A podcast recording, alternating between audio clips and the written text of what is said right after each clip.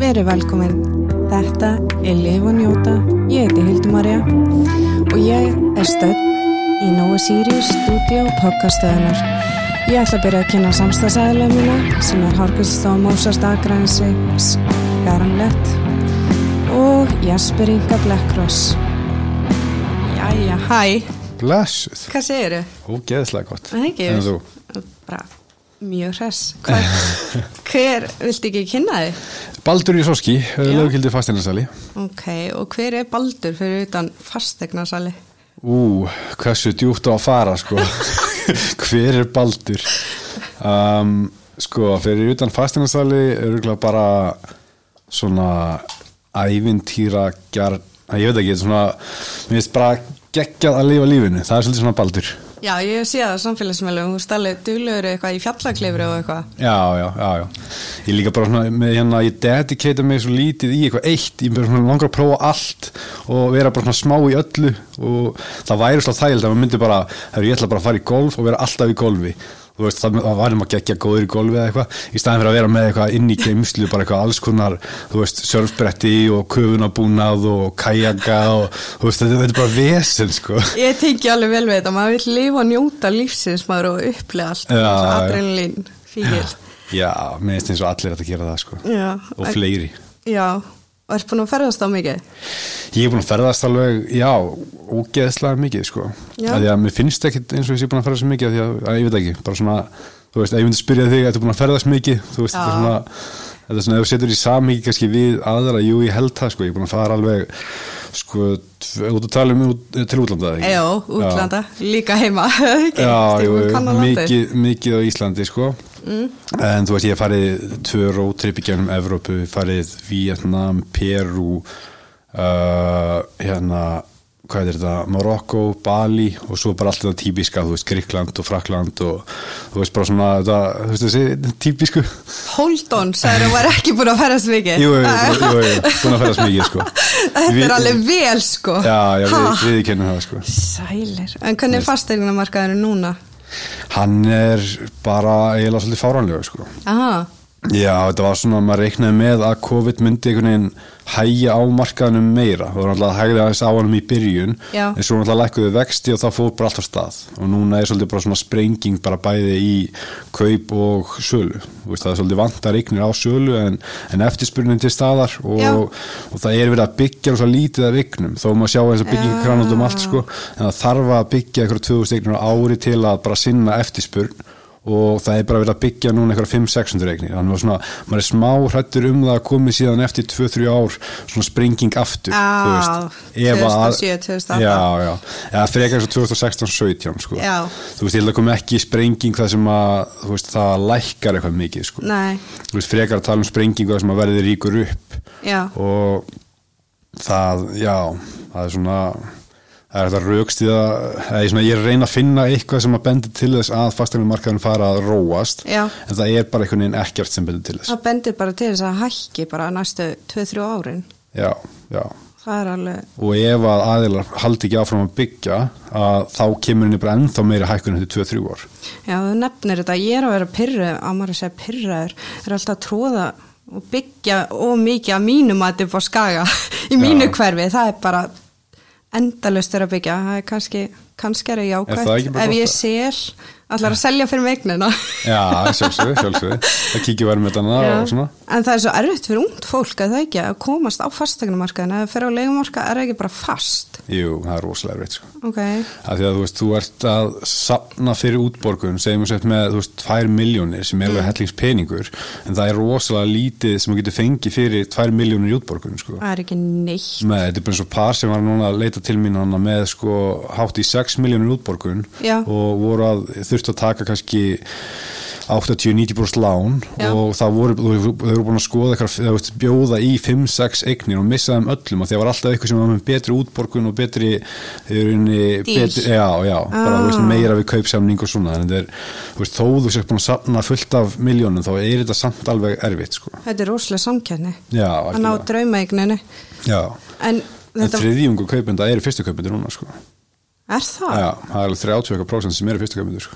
Það er alveg bara rosalega tala. Já, já. ég held að sé að þú veist það er náttúrulega rosalega mikið af þessu krakka sem fá aðstóð Já. frá fóreldurum og svona Fáðu að vera heima með mömmu og pappa og safna Já. sér með hann. já.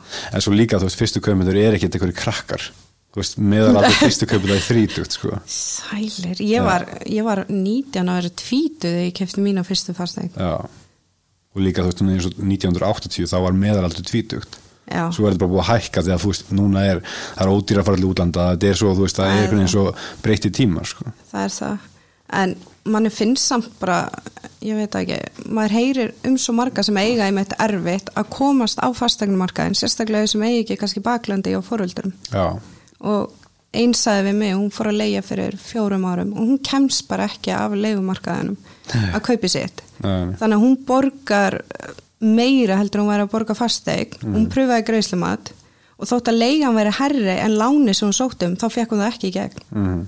það er fárunlegt sko. það er rosalegt sko Mér finnst þess að það geta sínt fram á þegar ég er búin að borga þessa upphæð Já. og þá stenstu bara þá upphæð Já. þegar þú getur sínt fram á ég er búin að borga 200 skallar mánuði núna í þrjú ár Já. ok, þá er það mjög greiðslega mátu upp á þetta þú veist. það ætti að vera þannig en hvernig þú veist, eins og í Danmörku og Svíþjóð það er rosalega mikið svona um að þú leigir en eignast hlut í fastegninni er það eitthvað sem að þú veist Það er til, uh, þú veist, einhver svona concept búsetti og svona einhver fleiri dæmið sem hún setur einhver útborgun og, og leigir svo og eignast einhvern veginn með tímanum og svona en Já. það er, þú veist, það virkaði betur í gamla daga þú veist, núna Já. er það bara hagsta lán og þú veist, þetta er svona svolítið, já, ég er ég er hvorki með eða á móti, þú veist, það getur hendað einhverjum, sko já, já, en þú þarfst bara að skoða rosalega vel bara hvað þýðir þetta sko og yfirleitt borga sér bara að kaupa ef þú, ef þú ert með þessa útbrunni hvort þið er sko já, þetta er náttúrulega þitt þitt ef þú náttúrulega kaupir sjálfur Mhm. heldur að vera alltaf já.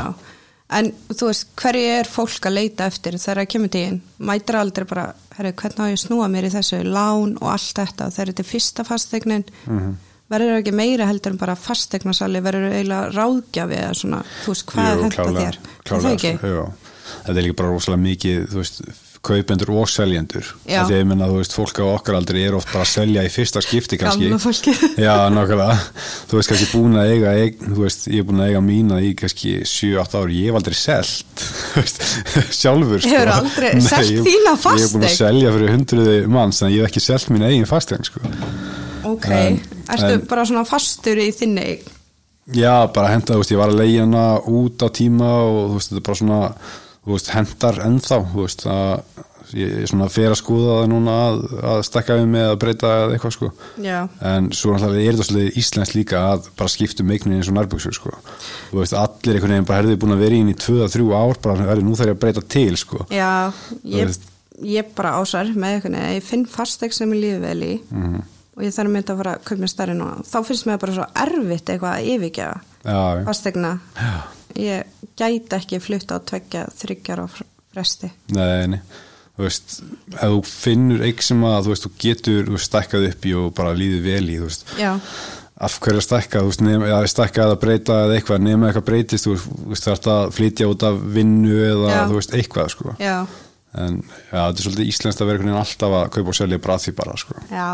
Er, er unga fólki að, þú veist, ef við tökum þau frekar, eru þau að spá í, þú veist, nýjum fasteignum eða, þú veist, eru að taka eldri og gera upp eða, þú veist, er þetta bara, það er mismundi, þú veist, fyrir svona tveim árum þá var rosalega margir að leita að tækifærum, sko, þú veist, bara eitthvað sem að var bara þurfti að laga og taka í gegn og þú veist, það var svona heitast að varan, sko, -hmm. en núna það sem að lánir og hagstað og fólk svona, þú veist, það munar kannski litlu á afborgun á mánuði, hvort þú farir bara í, þú veist, nýtt, nýlegt eða gamalt, þú veist, Já. að verðmunun er einhvern veginn svo lítill, þannig að flestir vilja bara fá eitthvað sem er í lagi núna, sko ok, og það er einhvern veginn erfiðara í sölu það sem er svona, það sem þarf að laga eitthvað eða svoleið sko ok, eða þú ert alltaf með kannski ákveðin hóp í ódýrustu eignunum sem að vill, þú veist bara hefur í gefn á Nei. dýrara sem að þarf að fara í svoleið sko já.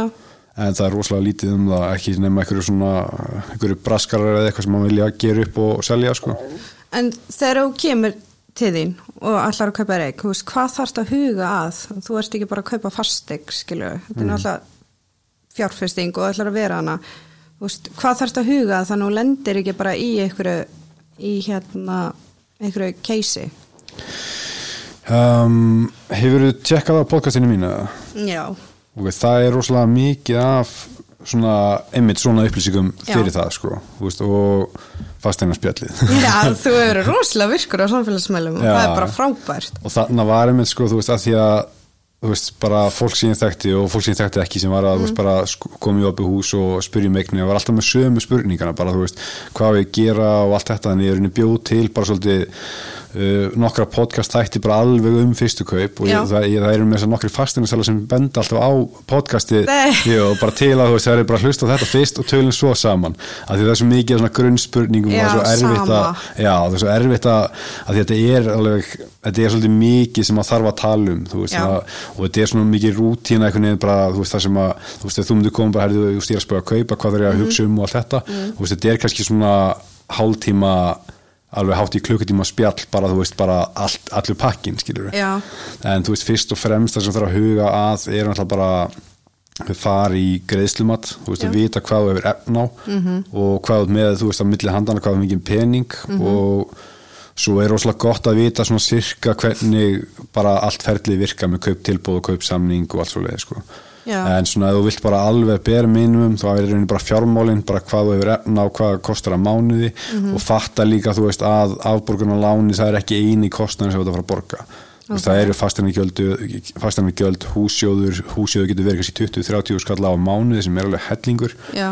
og alls konar kostnaður sem er bara óvæntu kostnaður líka ef þú ert hérna átt fastin og allt í henni þarf að fara að skipta um þak eða svona eitthvað viðhald og allt í henni kemur bara miljón kall sem þarf að borga og Já. alltaf yfirleitt svona alltaf samið um það og, og dreift yfir kannski árið og þannig sko En það getur verið svolítið svona Já, ég afslað. meina auka hundra áskalla mánuði, þú veist, það er ekkit grín, sko. Nei, en það er, er ekki svolítið samkettni á milli fastegnarsala, þú veist, er þetta ekki harðu business, þú bara hoppar ekkert í námið og svo bara þú veist, meikara þarft ekki að vera bara 24-7 með síman aður.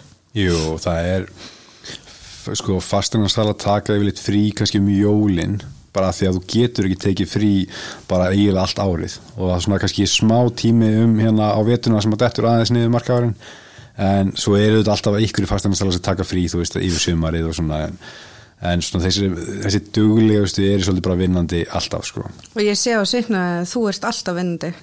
Já, alveg klálega sko allt og mikið sko og væri, væri stundum alveg til í aðeins meira frí sko Smá að njóta og slaka á. Já, ég er enda alveg duglegur í því sko og hérna við erum hann að nokkuð sem vinnum saman þannig að þú veist ef, ef ég vil taka frí þá, þú veist, þá get ég alltaf hérna sett verkefni yfir aðra og svo leið sko Ok. þannig að þú veist það er ekki þannig að þú veist ég get alveg tekið frí bara hvernig sem ég vil það er mjög þægilegt við starfið er í rauninni að þú stjórna tímanum alveg Ok. og það er náttúrulega alveg beauty að geta það sko en svo náttúrulega þú veist er þetta svo það er svo erfitt að því að þú dettur út í kannski bara tvær vikur Já. þá getur vel að missa veiknum sem koma á sölu og fara í sölu næsta mánuðin Já. þá missur þú kannski að tekjum kannski þú veist mánuð fram í tíman eða tvo mánuði fram í tíman Hefur ykkur til að upplega bara, fuck, ég fór í frí, okkur fór í frí, ég misti Ó, já. þarna sérlu, Ó, sorry, já, já, orðfræði. já, já. Þú veist, verður ekki, fær ekki smá svona hjart, fyrir hjarta bara, ansas. mm, Jú, alveg svolítið sko, þú veist, maður svona sætti sér við það svolítið fyrirfram eða reynir það sko Já. en svo eins og þú veist, það var alveg ekstra slæmt þannig að þau var í, í Vietnam, þá fórum við í alveg sko þrjár, fjóru vikur út og það var svona búið að vera svona semi-róli þá var ég búin að ráðast á öllu þannig að þú veist að að kollegi minn tók börnunni á allt sem að ég átt að gera og allt svo leið Já. sko. en svo þú veist ég náttúrulega var ekki með íslenska símum minna, ég var með bara þú veist messenger og e-mail og allt þetta Já. og svo hérna tengdi ég eitthvað um að síman og þá var alveg, þú veist, var alveg bara svona þrjár eignir sín bara pjúra misti af bara því að ég náði ekki að svara SMS-um eða ringingum sko. Voru það alveg stórar eignir. Já, já og, en því minna þú veist þetta er bara partur af prógraminu sko. En ég minna þú fegst þá að njóta en úti og slaka á og upplega æfintýri. Já, já, algjörlega sko. Ég hef aldrei, aldrei skipt þessu út sko, Nei. þú veist, aldrei tekið tilbaka frí þetta er náttúrulega en skemmtilegst að fer sér farið í sko. Já, hvað gerður hana? Við fórum alveg út um allt sko, fórum uh, vorum hann að já, eiginlega bara svona lítið planað og fórum í frumskóin annað, þú veist og það var bara eitthvað það eru sprengjusvæði og þið þurfa hérna ekki fara út af veginum það var alltaf bara þú veist, vegurinn annað sem var nota alltaf að ferja þannig í stríðinu Já. og, svoleiðis, sko. og hérna svo voru, já, bara, hérna, svo voru blóðsugurinn þú veist svona leeches Nei. og jó, við veitum að binda sko buksin og svona skálman alveg við skóin þannig að það myndi ekki skrýða upp og svo og þetta var alveg, þetta var fáranlega ferð sko Æpa, það er alveg Svo svak gistu á gólfinu í ykkur hérna sleeping bus og þetta var bara eitthvað algjör steipa þessi ferð sko, leiðum móturhjól og ferðinst um og þetta var bara, þetta var geðveikt sko. Þetta sándar samt eins og geggja æfintýri bara að fá að sofa á gólfinu og upplega þetta allt sko og Já. nýja menningu fá að svo á gólfinu þetta bókunin fokkaðist upp sko þannig að hérna við bó- vorum ekki bókaðir og rútan var full og það var bara eitthvað að við þurftum að fara þannig við vorum búin að bóka ferði í næsta bæ sko Já. og það var bara erfið stráka því bara að vera á gólfinu eða þú veist eða bara beila sko og þetta var svona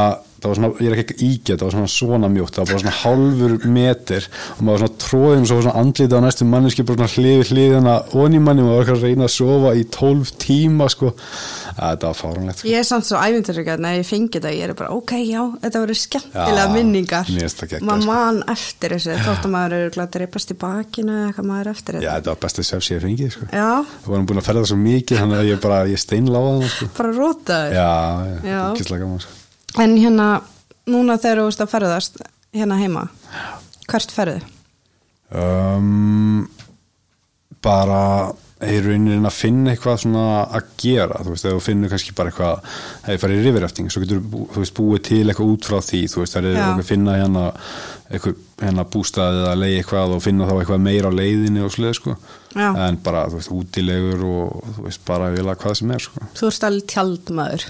Já, já, Já, já, já, það er alltaf besta svo í tjaldi Já, og ógeðslega róki gott. og rigningu. Já, geggja sko En ertu þá bara búin að plana frá aðtilu hvern dag þegar þú ert að ferðast? Nei, ég er mjög lélög planari sko Ertu svona spontant? Já.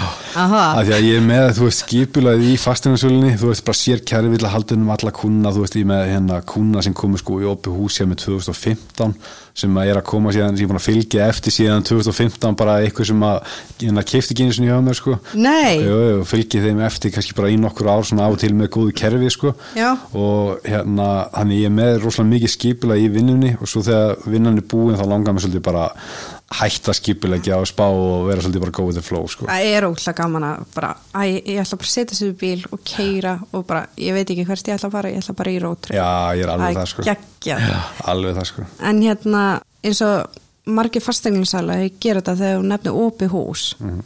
Þú veist, mér fannst svo fráhrindandi þegar ég var að selja á tíma að ég þurfti að taka á móti þeir sem voru að skoða. mm. Þú veist, það var bara fasteigninsælin var ekki með opið hús eða tók ekki á móti og ef fólk voru að koma að skoða þá kom hann ekki með þeim. Ég þurfti alltaf bara að taka á móti. Já. Það er Það alveg er- svolítið svona fráhrindandi.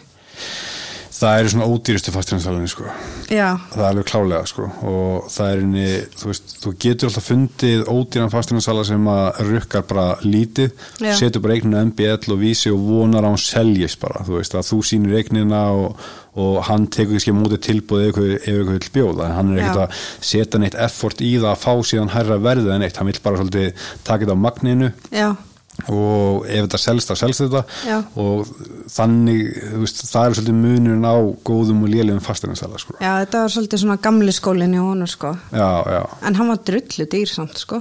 Nú er það? Mhm. Já, ok. Hann, uh, hann var á skaganum sko. Ég Já. er ekkert að fara í business við hann aftur. Nei, nei, nei, nei. Ekki þegar ég er með fastegnarsalvi fram með hann. Nákvæmlega, nákvæmlega, Kann sko. þetta. En ef ég kem til þín og ég segi bara, herru, þetta er budgetið, þetta er, ertu með alveg, þú veist, ertu alveg með nóg úrval sem þú getur bent mér á. Ef þú ert að leita? Já, Mm, nei. næ, Af því það er ógeðslega erfitt að finna eign fyrir fólk, sko.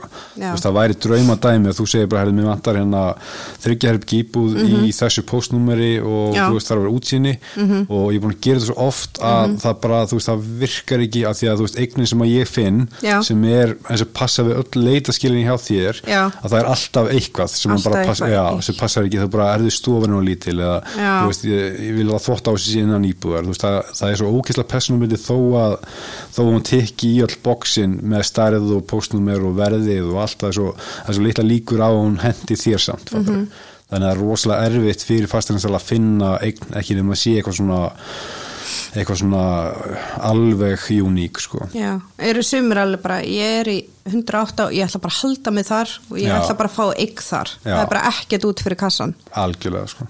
það er, fólk er rosalega bundið oft við hverfið sko. Já. þú veist bara uppalinn eins og þú veist, margir þekkja og ég er náttúrulega úr vesturbænum sko. Já. Þú veist, ég, einhvern veginn, ég sækist alltaf aftur í vesturbæn þú veist, Káringur. já, ég, eða það stemdi það Nei, nei, nei, nei, nei, alls ekki. Káringar eru alltaf hressi, sko. stela smá koffínvatni í hérna Já. fyrst þú ert að bjóða allt og allt maður Ferða á leiki og stiður alveg káir áfram. sko, ég er alltaf á leiðinni ég ætla hann að fara svolítið í sumar sko Já, ég er svona, ég er bara káeringur að því ég er vesturbæingur en ég fylgist ekkert með fótbolta sko nei, þú veist bara fótbolta eða íþróttin ég bara, þú veist halda með ykkur með ennsku, ég bara, þú veist ég er ekki það sko.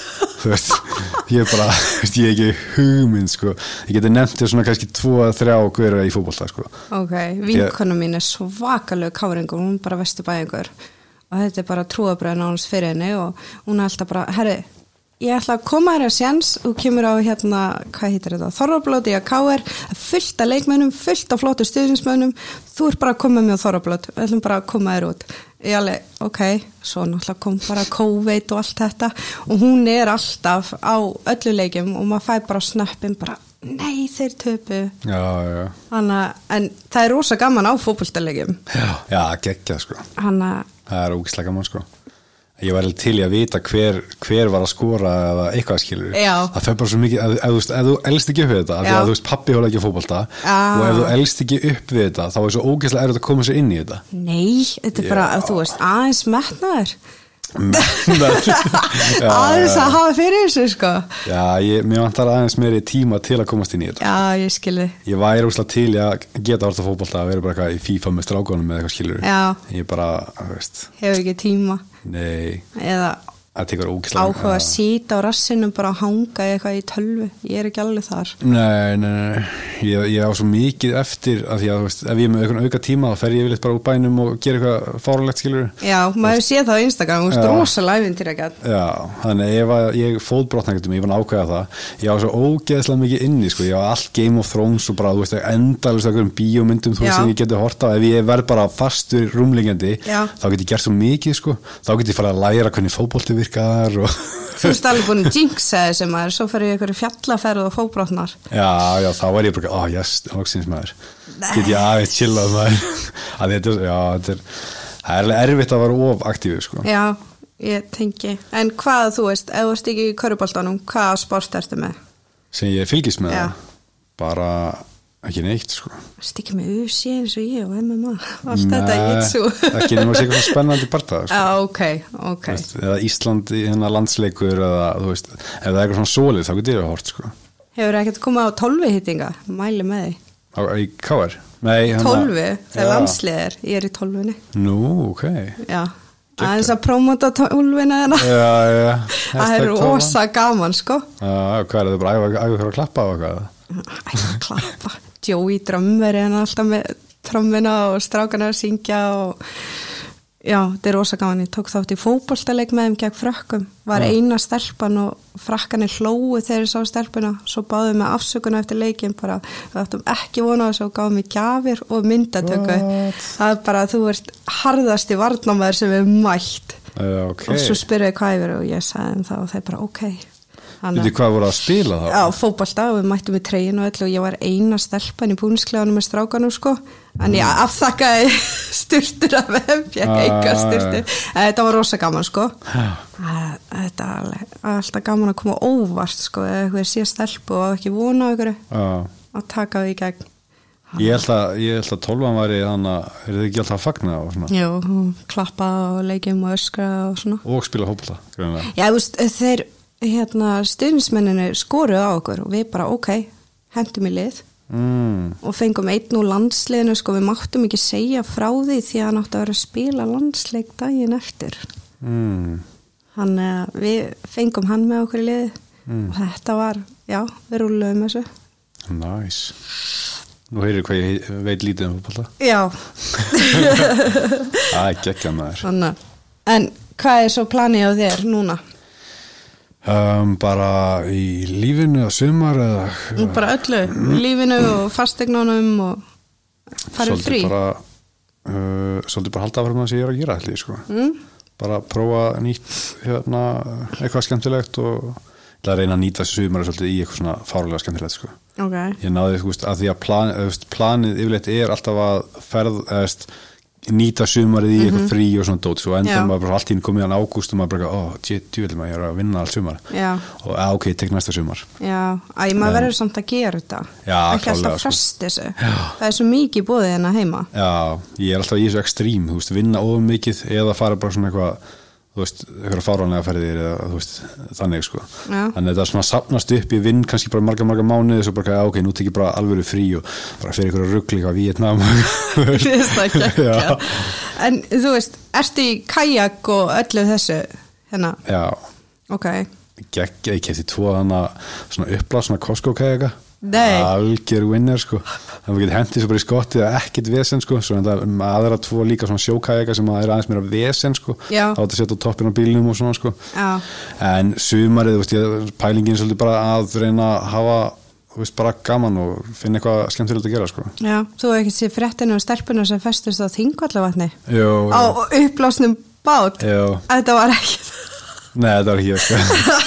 En ég fekk, ég fekk, hérna, ég fekk þessa frend, hérna, eh, fekk þessa frétt nokkur sem senda, bara eitthvað, með hverjum varst þú þannig eitthvað. Já, já, Það var þú típist barst ég, sko. ekki ábyrð á þessum Nei, Nei, stelpum nei, nei, ég veit ekki hvað það var, sko. Ok, En ég, fyrst ég sá þess að fyrir sig, ég bara byrja hvað, hérna var ég, uh, nei, já, það var ekki ég.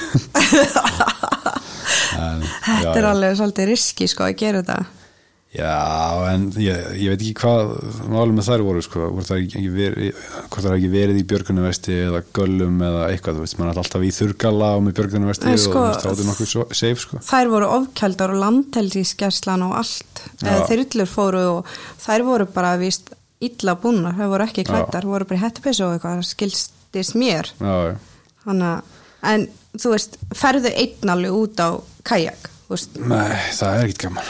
nei, þú Þetta er- ferðu alltaf þetta er- með félag Já, þetta er rosalega mikið svona þú veist, bara eiginlega allt sem ég geri er yfirleitt bara út af sósjaldæminu líka sko. Já. þú veist, það er bara fara að gera eitthvað í góðum hóp er einhvern veginn bara, þú veist, það er ógeðslega gaman sko. já, það er það þú veist, það að fara einn á kæjak ég- þú veist, það er mér finnst ekkert fútt í því sko, það er einhvern veginn bara fílingurinn að fara og spjalla og hafa gaman sko Ah, er það ekki svolítið riski líka bara að fara einn nei, nei, ekki, þú veist, með allan búna og alls svoleið sko, já, þú veist, ef þú ert á hettupeysunni, þú veist, þá náttúrulega er þetta svolítið hættulegt sko, ég náttúrulega sé bara fyrir mér þú veist, ef ég var að kajak, þá myndi ég enda bara eitthvað stöfust, ég fór ekkert að kajak námskeið, það var reynda gaman en ég er auðvitað ekkert best á kajak sko, nei hann að en, en þú veist, ef þú ert með bara alvöru galla þú veist, og getur þess að dottið úti og verið bara úti í vatni í hálftíma Já. eða þannig skilur, þú ert bara með björgunumvesti og þú veist, þá er náttúrulega rosa lítið sem getur klikkað þá sko, já, reyndar ég ætla að taka köfunaréttindin núna, reyna það á þessu ári það er ógeðslega gaman Já, pappi kafar er búin að vera að segja hann var lítil. Nú, er það, Já.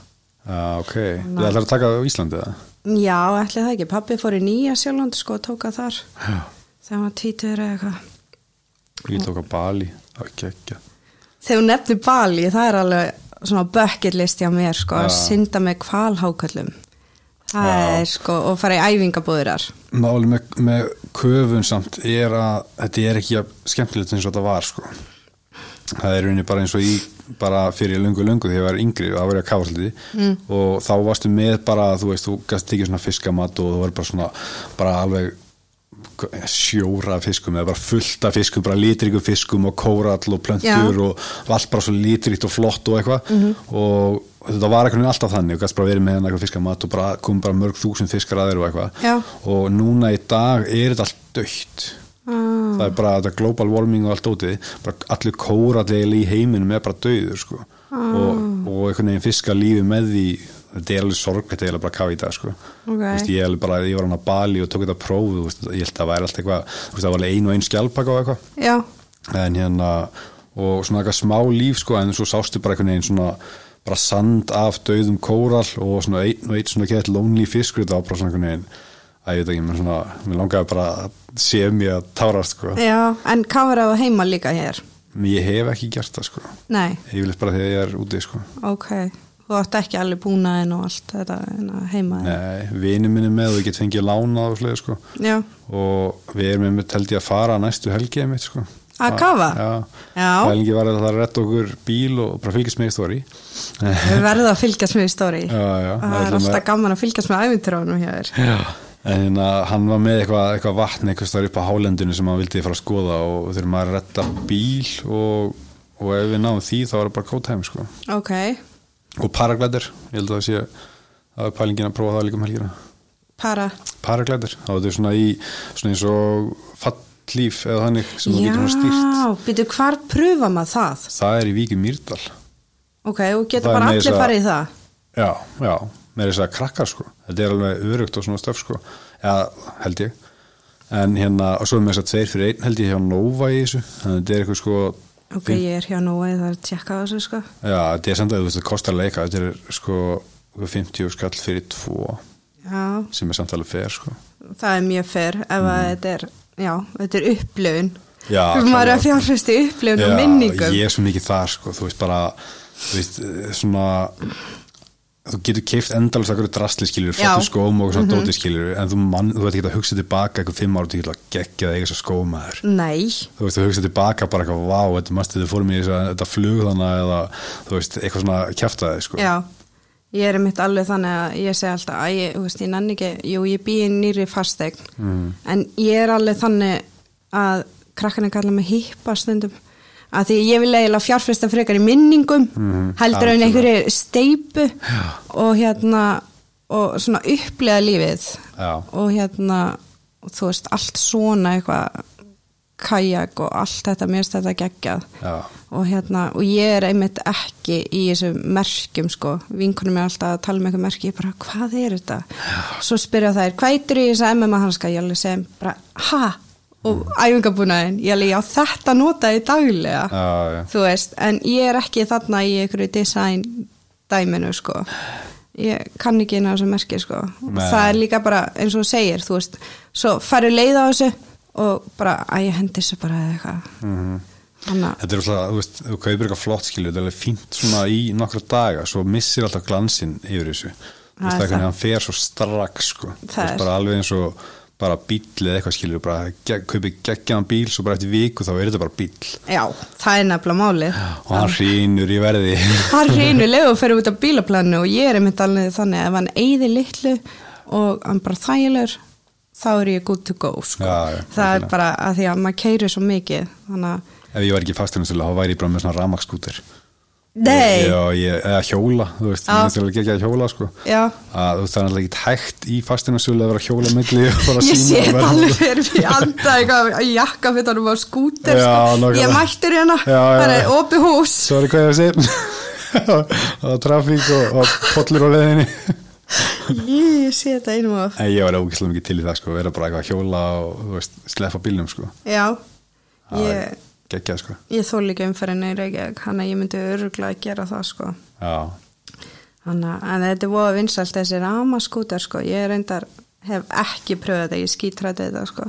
já, Já, ég var að lappa út af ónefndu veitingastaf og kemur kona hana á svona fimmtusaldri og sonur hennar með henni og ég veit ekki hvort það var búin að fá sér nokkra en hún bara allt í hennu heyruði bara bam, hún feisplantar alveg Hmm. mm. og við heldum að hún var rótið og það blætti smá höfðun og ég bara þetta fer ég ekki á Mhm. -hmm. það er bara, ég er þú veist, mist urugar að fara í MMA-búrið eða dínuna og jitsu en ekki þetta Já, já. þetta er stór hættilegt ég var að tala um hérna stelpu sem var að vinna á Slysó Já. og hún sagði bara um helgar þetta er bara nýjasta vesinni þetta er bara þessi hjól sko og það er bara fullt okkur í fullu fólki að bara klessa hvort annað og fara út í runna og, og hvað vesinn sko Já, ég hef séð þessum dýraveru, fólk náttúrulega, þú veist, ég veit ekki hvort þetta megi eða hvað skilu eða hvernig regluna er, en fólk er að fara alveg í ýmsu ástandi og síðan bara tekur á skúteri, ræðu valla við þetta, sko. Já. Mhm. Þetta er, þetta er skrautlegt að sjá þetta, sko.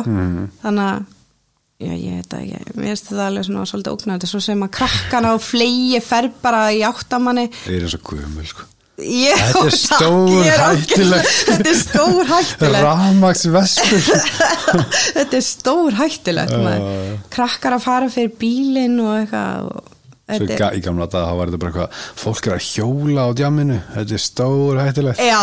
og undan því var bara eitthvað þessi hestar, þetta er alveg stór hættilegt Shit Maður er ekki svona gamall maður Nei. Jú, jú, næsti En þetta er bara, allir þetta sé ekki bara Ég veit ekki, þetta sparar örugglega rússlan tíma samt í bænum Já, já, þetta er alveg sniðið sko Þessi umferð að teppa og eitthvað Ég gæti árið gráhærið oft, sko af þessu.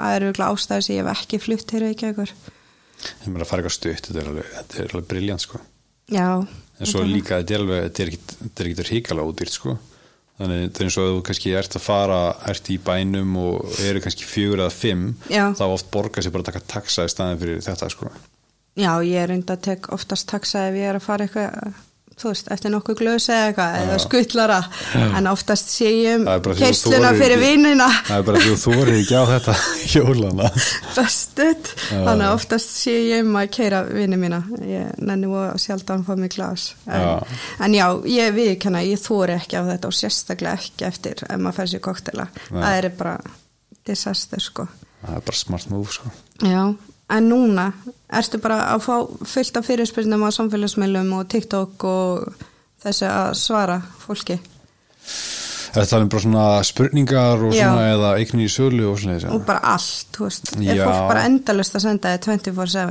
mm, Nei það er svona eh, það fer svolítið að breytta í hversu mikið ég posta þú veist, þeim meira ég posta því meira kemur alltaf bara spurningum og svona sko. Já. og þú veist að og það minnir oft á mann, þú veist, þegar maður er að posta þú Mm. veist, það er svona eitthvað, þú veist, fólk er akkurat að horfa á stóri, já, ok, henda hann spurningu ok, en það er alveg, þú veist að maður fær alveg nokkuð skilabóð á dag allavega bara svona einhverjar pælingar og spurningar og, og svona sko Já, og þú svarar öllum þótt að þér sé ekkert, þú veist, að fara að vera kunnar hjá þér. já, já, já, það er svona langtíma dæmið hjá mér ég er svolítið, eins og ég horfa á þú veist, góðan fastinastala, ég er en ekki bara að selja eina eign og og eins og flestir þessi gömlu kallar Já. Mhm. þú veist, þú er kannski bara með opið hús og mm -hmm. með tíu manns, einn hérna býður hæst og þú selur honum íbúðuna og svo bara herðu næsta eign Já. í staðin fyrir að þú veist hugsa um alla þessa því að þú veist manneski sem spyr mig út í fyrstu kaup í dag Já. og kaupi síðan eign, þú veist þó að sé bara af einhverjum öðrum, þú veist hún selur væntalega eftir svona cirka tvö ár Já. vonandi kemur hún til mín en þú veist ef ekki þá allt í lagi skilur Já. en þessi manneski líka er náttúrulega líklega til að auglýsa mig og segja frá mig Mæla og alltaf- með þér, já, reputationið, algjörlega. þetta er rosalega svona snjóbolti.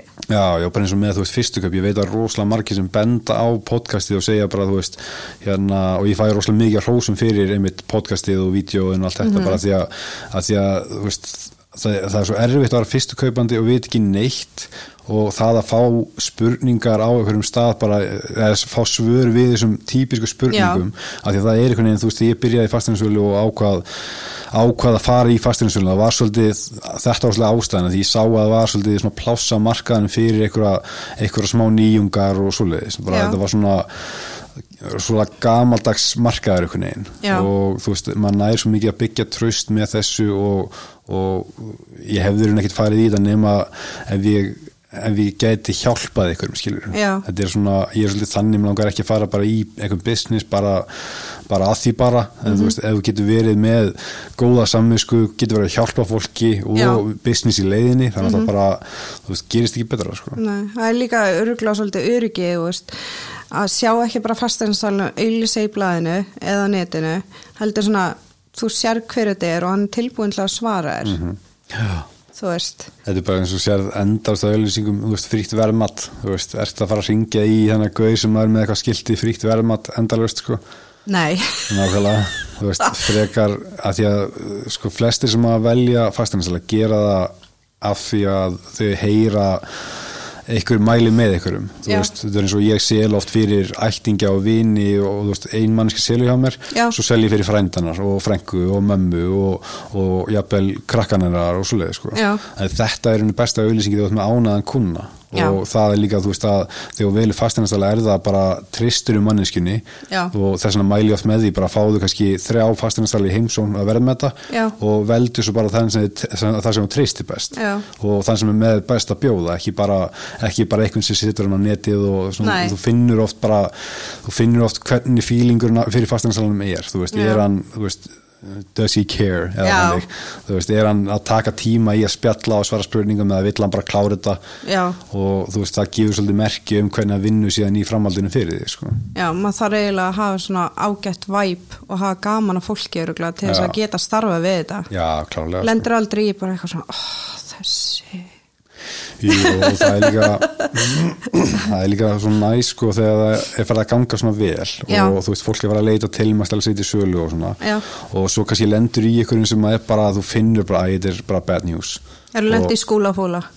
Já, klálega sko og maður finnir það oft strax bara okkur þessi verður vesen Já. og stundu segjum bara herði hérna þú veist, það er bara of mikið að gera ég bara get ekki sint þessu í augnumleikinu þú veist, og nánast bara segja hann að fara eitthvað annað, þú veist, þegar stundum er það bara betra heldur en að fá, fá eitthvað svona vandraða manneskju í hérna viðskipti til sín, sko Hefur verið ógeðslega glaður einhvern veginn bara, yes, ég er búin að loka samningna við þennan aðala, næsti.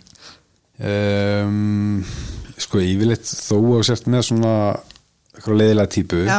að ég næ ofta að tækla það rosalega vel og einhvern veginn svona vinna það á mína hlið og allt svona, þú veist það, það ég hef aldrei lendi í því einhvern veginn að það endi í svona einhverjum leiðindum eða Nei. þannig. yfirleitt, þú veist, það er alltaf einhver þú veist, ef þú selur rosalega mikið af fastein það er alltaf einhver sem að, þú veist, er eitthvað Einhver, við, já, já. lendir í einhverju vesinni eða eitthvað Já.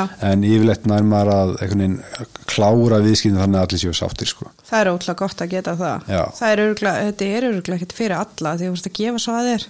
Já, Þannig að, og sérstaklega, sérstaklega koma upp svona vesen bara með eitthvað sem tengist hér ekki, þú veist Já. það er kannski bara eitthvað með ástandið eða, eða kaupandi vill meina að seljandi hefur logið ykkur eða gert Já. hitt eða gert þetta að geta einhvern veginn tækla þetta á góðan hátt það er svo rosalega mikilvægt sko Já. að því að ég held að flestir svona fastinastala svolítið svona klúður að þar um leið að byrja smá vesen Já. að tækla það strax í staðin fyrir að leifa því einhvern veginn að magnast upp og fa vera, fara út í eitthvað rugl sko. já, að stundum eru ykkur, ég las að kom dómsmála sem var leyndu galli og eitthvað. Þetta er alveg svolítið keis sko þegar þetta kemur upp. Já, klálega sko. og það eru eininni að versta sem getur gæst í svona málum er að þetta fari fyrir dóm sko. Já. Að það er svo ógeðslega dýrt Það er dýrt fyrir aðalan að sækja það sko. Já, það er þú veist ég svona uh, ég les mér dóma til skemmtunar Já, ég er alveg nú dómstóla.is. já, Ég já. er algjörlega- bara læra um svona eitthvað mál og þú veist hvað fór úrskiðis og allt þetta þú veist og oft er þetta kannski krafa upp á 800 úrskall eða 500 úrskall eða eitthvað og svo er málskostnaðurinn komin upp í 4-5 miljónir Mhm. Já. og þetta er unni yfirleitt bara út af svona prinsip að kaupand og seljandi bara vilja ekki díla okkur annan og vilja vinna Já. og það er unni vestar sem getur gæst í staðin af því að þarna þú- fast, fastin, starf fastinastalans er náttúrulega- fyrst alveg ekki að taka hlið eða neitt þannig Nei. en reyna að klára málið bara eins fljótt og akti er áður en það fer út í svona þrjósku Mhm. Já. og báðir aðalega fara bara "Herðu, ég ætla, ég ætla bara fyrir- hérna að tala við lögfræðing Mhm. um leið og lögfræðingu kemur inn í málið Já, þá hugsa lögfræðingar bara "Herðu, nú er ég komin á tímagjald Já. og ég vil ekki að kaupand og seljandi tali saman Nei. af því að þá missi ég launin mín þú veist, ég vil tala við lögfræðing hins Já. til að geta rukka bara tíma Já. og þú veist, eini sem að græðir á svona málum er yfirleitt bara lögfræðingar sko. Lögfræðingarnir. Já. er svolítið mikið um þessi máli hana heima. Nei, rosalega lítið sko. Er það? Já, það var, þú veist, það er alltaf eitt og eitt og maður les um það og svona sko en það er eiginlega bara undartekning að það fari í svona mál sko. Já, maður heyrir rosalega um að nýbyggingar að sem meiri sko, úst, ég hef ekki lendi með neitt galla hjá mér en svo heyrir maður að vera að drífa sig einmitt þegar það var 2007, 2008 þú veist, fyrir það, rétt fyrir hraunni það var alltaf verið að drífa þú veist, það voru byggingakrana út um allt og að húsi fjekk ekki að jafna sig skilu, áður fyrir fenguðu bara tíma til þess að jafna sig áður en fólk flutt inn, Já. svo komu fyllt að göllum Er það ennþá, Það er alveg eitthvað með þá, það er, að- það er að koma upp alveg, þú veist, ný kallamál núna það er einhverjar eignirinn í mós og, og svona sko já, og gerist náttúrulega gerist svolítið bara þegar eftirspurnin er svona rosalega mikil og byggingar aðlega fara að drífa sér bara þau þurfa Já. að klára þetta til að komast í næsta verkefni og svo leður sko, Já. þannig að það getur alltaf gest og þess vegna er rosalega mikilvægt að þú kaupa nýbygging og skoða hver er á bakvið þetta já, þú veist, hvað er þið búin að byggja áður og þú veist, ef þú sér það þetta eru svona traustir aðal sem voru að vera í þessi þú veist, 30 ár Mhm. og getur actually skoðað uh, skoðað eignin sem að hafa, hafa selt já, það er svona flett upp bara að googla þú veist, heimilisfangið Já. og sér það voða fljótt að það kemur upp ykkur gallamáli eða slöðu sko Já. en það er svona já, skoða hver er að selja þetta það er kannski svona nummer 1, 2 og 3 að kaupa nýbyggingu ef Já. þetta er, þú veist, ef þetta er splungun nýr aðeili bara að kenna þetta frá 2021 þú veist, það er svona skoða smá kannski- riski sko Já, það þarf ekki að vera endilega slæmt sko, en allan að skoða það hver er að bak við þetta sko. Af en því að- ef að, þú veist, fastegnarsalinn fær svona, þú veist, mál og byggingaðalinn, þú veist, hefur ekki staðið sig eða verið að drífa sig þú veist, hvernig, hvernig lendur á ég að díla við þá sem keifta á þér ef það er gallið eitthvað, þú veist, er það ekki svolítið erfitt? Nei, af því að oftast er mjög skýrt hver á réttin Já, og þú veist eins og með nýbyggingu þá er náttúrulega á þú veist, þá er ekki svona gallað þröskuldu þá áttu bara að fá bætt bara allt Já. þetta er ef það vantar bara einhver ljósrófi virkar ekki eða eitthvað svona algjörn smottir í ef það Já. er bara nýbyggingu þá á þetta að vera 100% Já.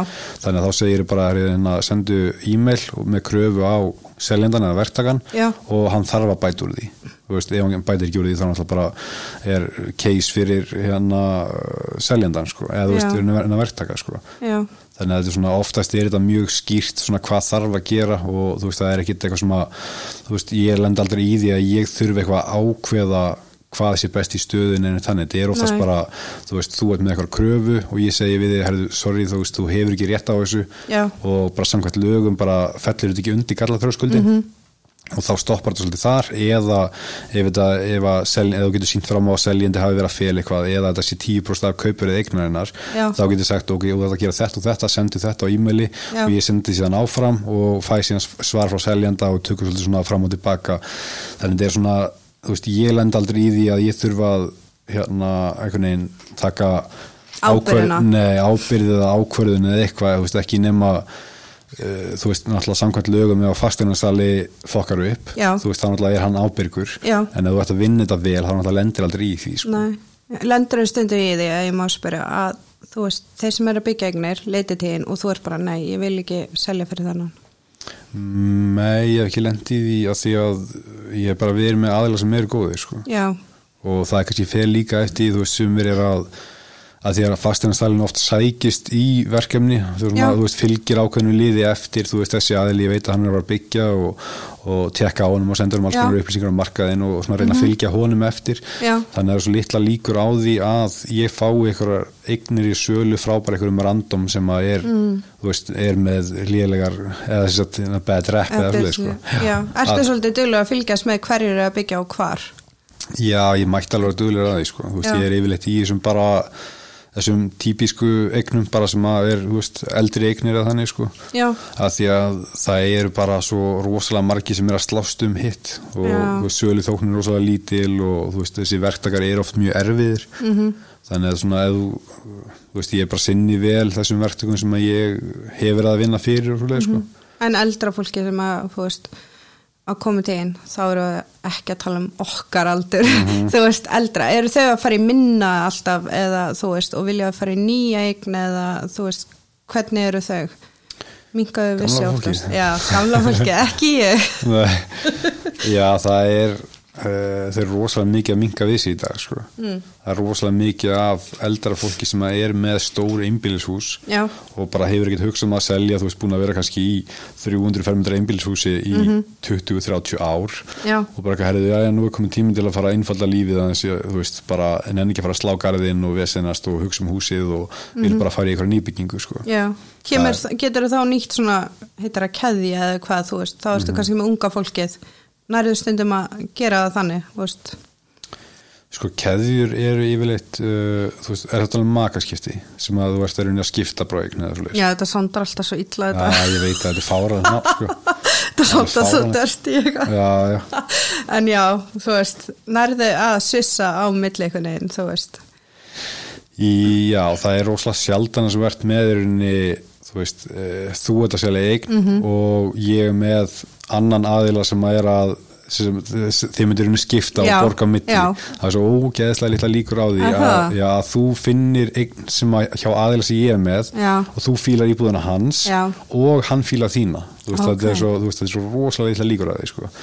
en, maður heyrir um þetta upp á agrænsu svolítið sko, en alltaf því að þetta er lítill bær kannski, Já, þú veist, það er yfirleitt sko ef að þú, þú veist, þekkir eitthvað en líst vel á íbúna hans Já. og þú veist, þið kannski finnið hvort annað Já. fyrir eitthvað heldur en að þú veist, í gegnum fastinarsala svo myndið það hafa sambandið mig, bara herri við viljum skipta Já. og þú veist, hvað þá myndi ég meta báðar eignir og myndi ég segja ok, þín eignum 5 miljonar krónum dýrari og hann myndi það borga mismunin eða þannig Mhm. Já. þú veist, það er alveg það er alveg dæmi um það sko. Já. og svona keðjur líka það er yfirleitt sko, þá er kannski aðil að kaupa eignina þína með fyrirvannu sölu hann á eftir Já. að selja eignina sína Mhm. -hmm. og þú bara ok, ekki mál ég, hérna, ég er ekki búin að kaupa þannig að það er ekkit stress Já. og svo aðilin sem er að kaupa eignina af honum Mm. hann á líka eftir að selja og þá er fyrirvannu sölu og ok, þá er þessi búin að selja og þá kemur næsti ok, ég þarf að selja og hérna og vonandi kemur þá bara sem sagt, venjulegt tilbúð, bara fyrstu kaupið eða eitthvað til að kaupa hans, Já. en við getum að lendi í því að næsti sem ætlar að kaupa þessa íbúð, hann er líka með fyrirvæðan sölu þetta er rosalega þarna er, búst þarna er, já, þarna er, komin að, ta- þarna er að tala um svona keðju sko. Já.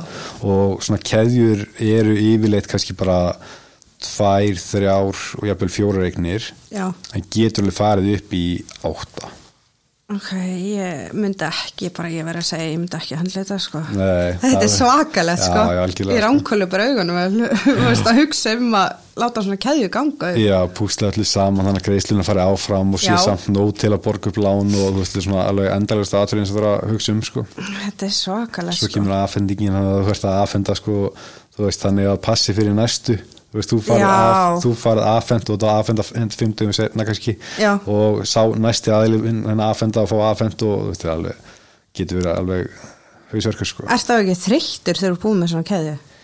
Jú, það er rosalega, rosalega gott að þetta tekur oft lengri tíma, þú veist, bara mm. Mhm. fyrir honum sölu og svo aftur fyrir honum sölu og svo, þú veist, þegar keðjan gengur upp þá er bara svolítið svona jú, það er alveg hrikalega létti, sko það er þannig að getur verið kannski með, þú veist 10-15 mann sem þú ert að tala við reglulega mm. og þegar þú tala við 10-15 manns og kannski farið að sína eignir og verið með þetta og svona, Já. þú veist, þá þarf það að vera með kerfið sem heldur utanum allt, sko Já, ég sé bara fyrir mér að ég væri í þessu, ég er bara, nú slekki á símanum, Mhm. nú ætlum ég bara að fara eitthvað staðar upp á fjalli eða eitthvað og, ég- og laða batterín. Já, já. Þetta er auðvitað svakalegt, sko. Já, Já, þetta getur ekki af, sko en fasteignarsala þín, hún er, hver er það? 450 fastegnarslega Já, og hvað, þú veist, eru mörg hana? Við erum átta held ég núna Já, hver, þú átt þessa fasteignarsala, ok. stopnaði sko hérna ég stopnaði hólfastarinsölu 2015 Já, stopnaði þú hana? Já, eða í raunin sko þú veist, árið 1993 þá stopnaði pappi fyrst hól Já, og ég er en endur opnaðan á 2015 og það var annar fastarinsali að opna sem sagt, frétti að ég var að fara að opna og ákvaði að opna hólfastarinsölu á sama tíma þetta var algjör steipa sko ha? Já, þannig að það voru tvær hólsfastinansölur á saman tíma og í sena þetta var uh, af því ég var að auðlýsa alveg helling sko og Já. hérna fólk var einhvern veginn að týna stundum til hans þegar ætlaði að fara til okkar Já, og, í staðin, að því, og svo var að fá ykkur að upplöga sölumenn inn og það var orðið svona aðeins meira batteri og vorum alltaf bara tveir til að byrja með sko. svo voru aðeins byrja að stækka og hérna, í staðin fyrir að taka slægin og þú veist, þetta var svona lögfræði vesen og svoleiðis að vera að sína fram á við ættum brandið og Já. logoið og svoleiðis sko. og það hefði alltaf tekið kannski ári viðbútið eitthvað, í staðin fyrir að taka um slag og kostna við það, þá er hérna ákvæði bara að skiptum nafn og hörunni, já, bara búið svona endurbrandað hann að því að við vorum, það var ekkit rosalega langu tíma sem það var hótel sko nei, þannig að í staðin fyrir að taka mjög slag þú veist, til að halda þessu nafni og þú veist, ég veit ekki, það var bara svona steikt situation sko Já. en ákveð að breyta nafninu og ég var óslega heppin sko að ég fekk sko hjá símanum, þetta flotta símanum 450 000 Já. og ákvað að tengja bara nýja nafnið við símanúmerið og 450.is var löst Það er En var bara- svakalega já, gott. í staðin fyrir að vera með eitthvað, þú veist, nýtt hús hús og hýbili, Já. fastinansala, heimili þú veist, þetta var svona, það heita allar eitthvað rosa Já. svipa sko alltaf að reyna að muni sér nöfn Já, já. og Mm. svo símanúmerinn og heimasíðanar en þið eru þá, hvað sér, átta á Já, stofunni já, já. ok, og þetta ná þú veist, að vera fasteignarsali, þú veist ekkert bara eitthvað helganámskeið, þetta er alveg bara svakalegt Í, sko, það getur unni þannig sem hver sem er náðu þessu, sko. Þú veist, ef þú sinnur, þetta er tvisveri viku í tvö ár. já, þannig að ég er alveg að þú veist þetta er langt þannig séð sko, en þetta er ekki eins og setja að fara í á hverjum degi eða þannig sko, Mhm. Nei. getur tekið þetta með vinnu Já. Mhm. þannig að þetta er mjög þægilegt sko og eftir fyrstu önina getur þú byrjað að vinna sem aðstöðamæði fastegnastala já, þannig að hérna, þú getur byrjað í raun að vinna, gera flest Já. fattaru, og margir fatta þar þú veist hvort það hendi eða ekki sko. Já. þannig að og, þú veist þessu helmingur kannski að fólkin sem er með mér, með mér í náminu eru þú veist, að vinna með eitthvað allt annað í dag sko. já, ok þannig að það er rosalega margir sem fara í námið og fatta svo bara að þú veist, þetta hendar ekki eða, og því að það er náttúrulega rosalega mikið að fastansirum líka sko. er ekki erfitt að koma út á marka en bara nýjútskriður og alveg bara með passjón og svo bara hvað á ég að gera Jú, jú, algjörlega sko en þú þarft einhvern veginn að koma þér inn á fasteinarsölu sem að skaffa eignir því að það er rosalega erfitt að fá eignir í sölu svona alveg fyrstu mánuðina sko Já. Að það tekur náttúrulega bara tíma að byggja rep þú veist ef að þú veist einhver hérna Páll frendi er orðin fasteinarsæli og þú Já. sér þetta á Facebook herri, ég var að klára námið, Já. þú veist, ert að fara að setja í sölu hjá honum þú veist, ef hann er nýbúin á náminu eða allar Já. ringi eitthvað sem þú þekkir og treystir eða eða Já. svona, þú veist, þannig eitthvað svona, þú veist, eitthvað meira einslu Já. þannig að það er svona kannski, það er rosalega erfitt að byrja, fattar við og fá tækifæri til að fá Já, reynslu já, þú veist að þú þarfst að sína og sért traustur og getur unnið þetta vel Já. að því að þú veist þó að þó að einhver vinuðin sé nýjútskrifaðir þá þú veist þetta er svona, þetta getur líka verið þetta getur líka verið erfitt ef þú ætlar að treysta ættingja eða vini fyrir fastegninni þinni Já.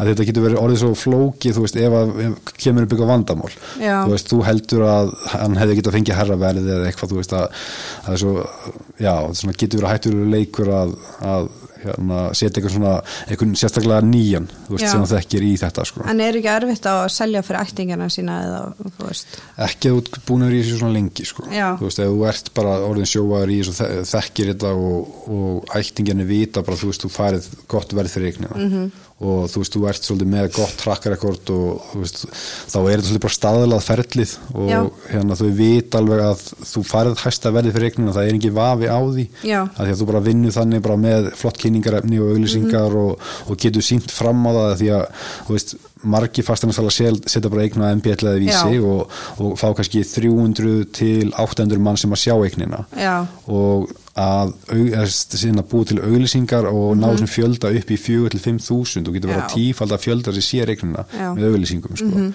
og bara það fólk sér þetta að að hérna, þú sitt að vinna svona Já. Mhm. þú ert að fá markvalda fjölda í opin hús markvaldan fjölda fyrirspurnir og það veit bara að þú ert að vinna vinnuna hérna. vinnuna Já. já, mér fannst það mitt þegar ég fekk þetta fastegnarsala, hann setti bara MBL og vísi og ég skráði ég eitthvað bæjablað Mhm. þú veist, ég var bara svona ok, kannski voru samfélagsmiðla ekki svona, þú veist, góðir Já, þá já, já, já. en þú veist ég held að samfélagsmiðla heimurinn ef þú kanta á hann, Mhm. þá getur þetta hjálpað rosalega, klárlega sko Þannig að- Þú veist, það er tífalda fjöldan sem sér eignina og, og þar af leiðandi tífalda fy- fyrirspurnir og fólk sem kemur í opið hús og Mhm. það verður nú tífalda möguleika að ná að fá herra verð já, eru eignir þá þegar við talum um herraverð, eru þeir að fara bara á uppsettu verði núna þú veist, er það mikið samkjarni eftir eignum?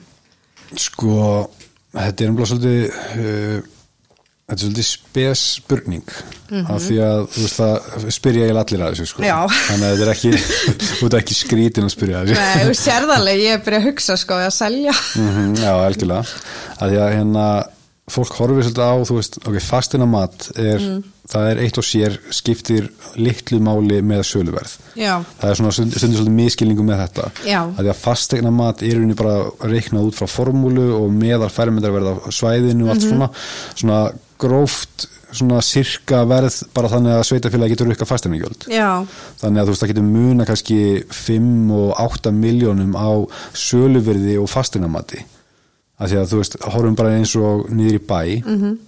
þú getur verið með eina íbúð 100 fermetra Mm. og bara í gömlu tríhúsi algjöru niðin íslu Já. og svo ertu með 100 fermetra íbúð í næsta húsi sem er steift og búið að taka allt í gegn og nýja Já. Mhm. gluggar og nýtt þak og það er sama fastinamati á þessu en samt getur náttúrulega söluverði verið miklu meira á þessu húsi sem er búið að taka í gegn já, að því að þetta er unni fastegna matið er yfirleitt bara gróft til að rey- reyna að rukka ykkur fasteinagjald bara ja. þannig að það sé á hreinu Það er gott að fá að vita þetta Já, að því að sömur horfa á þetta fasteinumatið þetta þá er það líklega söluverði þannig að það, Já. bara, það er ekki þannig sko. Nei, þú veist það segir ofta alveg eitthvað til um það með svona típiska íbúð í í einhverju típisku hverfi í kópói eða eitthvað já, þá getur verið náttúrulega og yfirleitt er söluverðið aðeins haraldunum fasteinamat Já. en þú veist þetta er ekki alls ekki heilagt fyrir söluverð nei, þannig bara svona við byrjum á því já veitu hvað var ég að tala um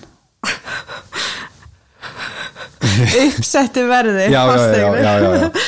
og eins og staðin er í dag að fastinansala gera það eiginlega viljandi núna að verðleggja eigna bara eins og rétt og hægt er og jafnvel aðeins lægra Ha? já, að því að erum, ok, og horfum á núna fyrir COVID Já. Mhm. og þú varst að skoða fasteinu þú varst að skoða kannski þrjár, fjórar hérna, eignir, bara ákvæmst að fara bara í opin hús, bara fjögur opin hús þennan dag og kannski Já. Mhm. næst hérna næsta dag og farið tvö opin hús, en núna út af COVID þá erum ég fólk að velja svo vel hvað það fyrir að skoða Já, Mm. Þannig að í staðin fyrir að skoða þessar fjóra eignir það ákveður það, ég ætla að skoða þessa eign og þá bara herða að fimmtudaginn fer ég að skoða þessa eign og því ég held hún hendi Mm. og þá er að fá miklu svona uh, alvarlegri kaupendur eða þannig, þau eru svona virkilega að hugsa um að kaupa þetta í staðin fyrir að fá bara fullt af fólki sem er svona la-la að spá í þessu Já. og þá er svo mikilvægt að vera með eignina þú veist, heitlandi þegar þú ert að leita að eign já, þannig að eign, eða þú kannski þetta leiti þessu postnúmeri að þessu verði Mhm. -hmm. og þetta með eina eign sem að lítu vel út flotta myndir, verði virðist verið í lægi Mhm. -hmm. og þó að sé að þú veist hérna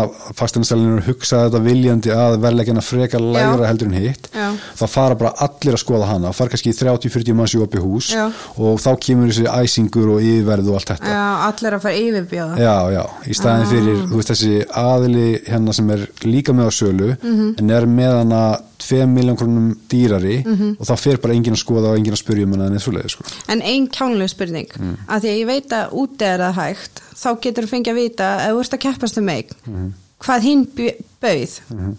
Hérna, allan að þegar ég ekkert hann, ég segi, ok, ef ég ætla að yfirbjóða, þú veist, hva, hvað þarf ég mikið að bjóða? Þá mátt hann ekki segja hvað hinn bauð. Já, Þú veist, já perandi sko. ég var, ég var ekki sátt sko þá er maður alltaf að bjóða, þú veist, kannski of mikið eða eitthvað skilu og svo er maður bara að díla við þetta í tvæð þrjá viku bjóða meira, bjóða meira sko þetta er ógislega vand með farið sko af því að eins og í bandaríjónum þá ertu með bara uppgefið svona listaverð já, þú veist, eignin var seld á þetta fyrir fjórum árum og miðið mm -hmm. hækkun er þetta verðið í dag Mhm. Já. og svo uh, hérna ræður fólk bara hvaða hérna býður herra eða lagra eða slöðu sko. Já. og hérna á Íslandi er svo lítið af upplýsingum einhvern veginn fyrir kaupundur en að kaupundur þurfa einhvern veginn að reyna að átta sig á þú veist, hvað er rétt verð og allt svona já, og allavega í lögum þá er alltaf þarf fastinansal að gæta hagsmuni kaupanda og Beggja. seljanda Já. Mhm. og líka er hún á milli kaupanda þannig að þú veist, ég get ekki feifur að þig fram yfir ykkur annan ef, Mhm. að, þú veist, ef ykkur annar býður 40 miljón krónir eign og þú veist það er svo ósangjarn gagvart honum ef ég segi næsta manni herða, Mhm. hérna það er komið fyr, segi 40, Já. Mhm. 40 miljón krónar tilbúð, þú getur mm -hmm. búið herra Já. Þú veist, það er svo ósangjart, ósang, ósangjart gagvart þessum aðeila sem er búin að bjóða hæst Já. ef að ég segi síðan bara næst þetta er svona, þú veist, það eru kostur og galla við þetta bæði þetta var í gamla dag, var þetta svolítið bara svona slagur Þú Já. Mhm. veist, bara herðu að koma herra til, tilbúð viltu hækka Já. og þá var einhvern veginn bara segjum að fimm manns að bjóða Mhm. þá eru allir svolítið fúlir af því að þú veist, í rauninni, eh, einhver bauð herra og þú veist, þetta er svona, þú veist, það er verið að peppa á því að borga of mikið fyrir eign Já. og stundum, þú veist, bara tristir ekki fastinansalum þegar hann segir var rétt Já. þú veist, er þið viltu að hækka því að koma herra tilbúð Já. og þú segir nei herri, og, hérna, og hann segir bara, herri, þetta var samþykkt hjá þér, þetta var, þú veist, svona, þetta var svo mikið hérna, þú veist, þetta var svo mikið einhvern veginn ruggli kringum þetta, sko Já. Mhm. og, og þessi sem að bauð hæst hann var líka, þú veist, orðin er svolítið fútla því að hann borgaði meir heldur en allir aðrir voru tilbúin að borga, fattar við ok þannig að þetta er svona, ef þú horfir á það svoleið þá meika þetta svona smá sens en þetta er úslega leiðilegt samt að vita ekki uh, þú veist mér finnst það útla, ef ég var að keppast um einhver eign, mér fannst það drullilegilegt þannig ég var alltaf að hækka og hækka og hækka Já, já. ég ætlaði bara að ná þessu keppniskapi já, já, þú veist, en ég bara, þú veist, hvað á ég að hækka mikið, já, ég má ekki segja það já, það er rosalega disappointment já, já, já, já. en þú veist, það er náttúrulega ennþá fastinansæli sem vinnar svona sko. já, Þú veist, ég, ég er ekki hrifin að því bara af því að þetta er svo mikið rugli kringum þetta frekar rauninni bara að allir komið sitt besta bóð Mhm. og þú veist, þú, segjum að þú sér tilbúin að fara í 42 Mhm. og einhver býður herra þá þú bara, ok, ég meina, þú veist, ég var bara tilbúin að fara í þetta, ekki herra, Já. sko í staðin fyrir að þú sér tilbúin að fara í 42 Já. og ég segi við erum komið hérna hálfur miljón herra, viltu að hækka Já. þig þú er, ah, shit maður, ok, hálf miljón alltaf leið, Já. Mhm. þú veist, hækkum hálf miljón og þú, svo ringi ég næsta mann, Já. er það komin hálf, hérna, hálf miljón krónu herra tilbúið, viltu að hækka þig um aðra hálf miljón Mhm. Já. og hann bara, oh shit, ég það er bara hálf miljón maður Já. og þá er ég búin að hækka hann um hálf miljón og þú varst hvort þið er búin að, að þú varst komin yfir þess að þú varst örugg Mhm. Já. með Já. þetta er svona, já, þetta er rugl sko. Þetta er svolítið leðilegt líka því að hann maður bara, ok, ég nennis ekki að þetta verður bara eitthvað svona, þú veist, slagur. en Mm. já. maður vill samt vita hvað næsti beið. já, já, já, já Það, það er alveg svona, eða mér finnst það, mér þetta er svona sangjallleikur. Já. Beið halveg meira eða, þú veist, já, já. svo fær maður oft líka svona smá tilfinningu frá eða reynir að veiða upp frá fasteinasalanum sko.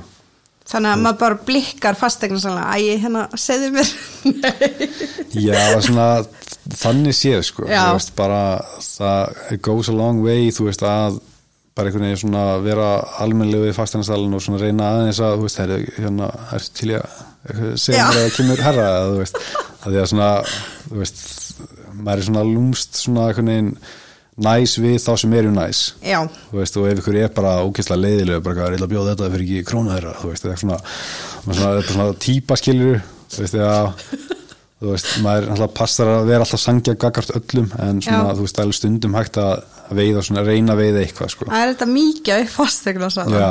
já, algjörlega, þú veist, þú spurja bara, hörðu, ég er að spá ég að bjóða þetta, því, þú veist, þýði það eitthvað, Já. en þetta er svona, þetta er rosalega leiðilegu leikur, Mhm. þú veist, þetta er svona, þetta er alveg steikt, þú veist. Já, þetta er alveg steikt í fæð hausa sko, hugsa Já, um að já. starfið það en þetta er auðvitað gaman að hitta fólk og sérstaklega að fá síðan kannski, þú veist, börnin þeirra eða eitthvað, Já. þú veist En lærið þeirra mikið af pappaðinum þá þegar hann var, Ekki neitt, sko. nei, ok Af því að ég var náttúrulega bara, ég, veist, ég var uh, þryggjara þegar hann stopnaði þetta Já, um, og þú veist, ég bara sé myndir af mér þegar ég var hann á sölunni, sko. já þú veist, þú upp, upp, bara elst upp nánast þá bara á fastegnarsalunni Bókstaflega, sko. Já, þannig að þú er alveg Þú veist, ég lærið ekki svona fastina sölu Nei, en þú veist, þú er upp, alist upp við Já, þetta já, já.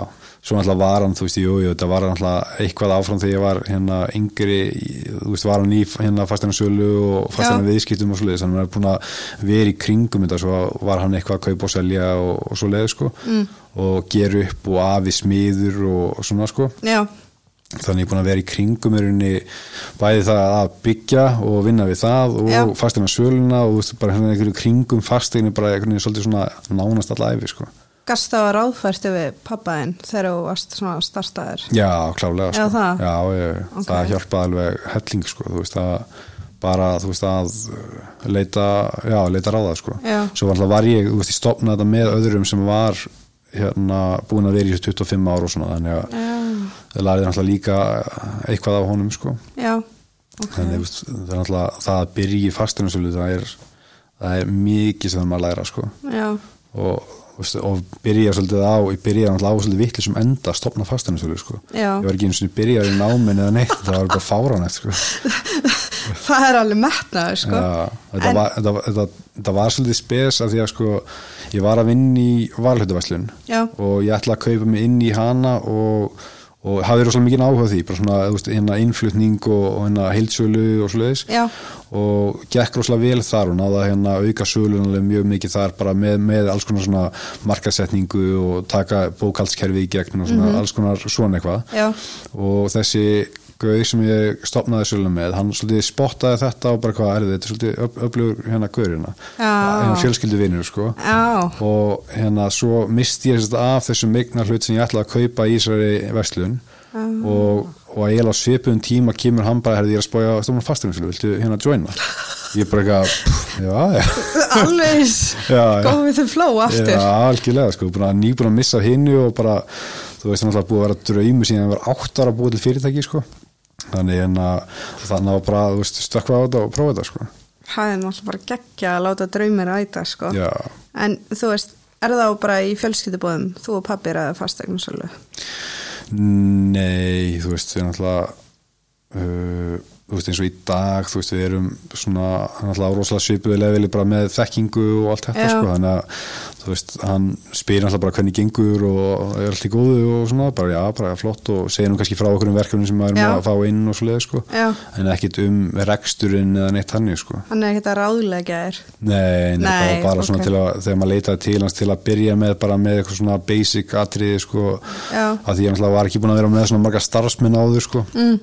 þú veist bara hvernig hérna uh, þú veist, eitthvað eitthvað kannski tengt því, þú veist, aðstöðunni eða, Mhm. þú veist, búnað eða svona alls konar svona eitthvað, þú veist að já, þú veist, uh, já, kannski meira svona rekstur og bókald og, og svo sko var hann ekki ókvæslega stoltur og varst líka á fastegnarsali uh, Jú, ég, pottet sko gaf hann þér eitthvað ráð með bara þegar ég var að byrja Já.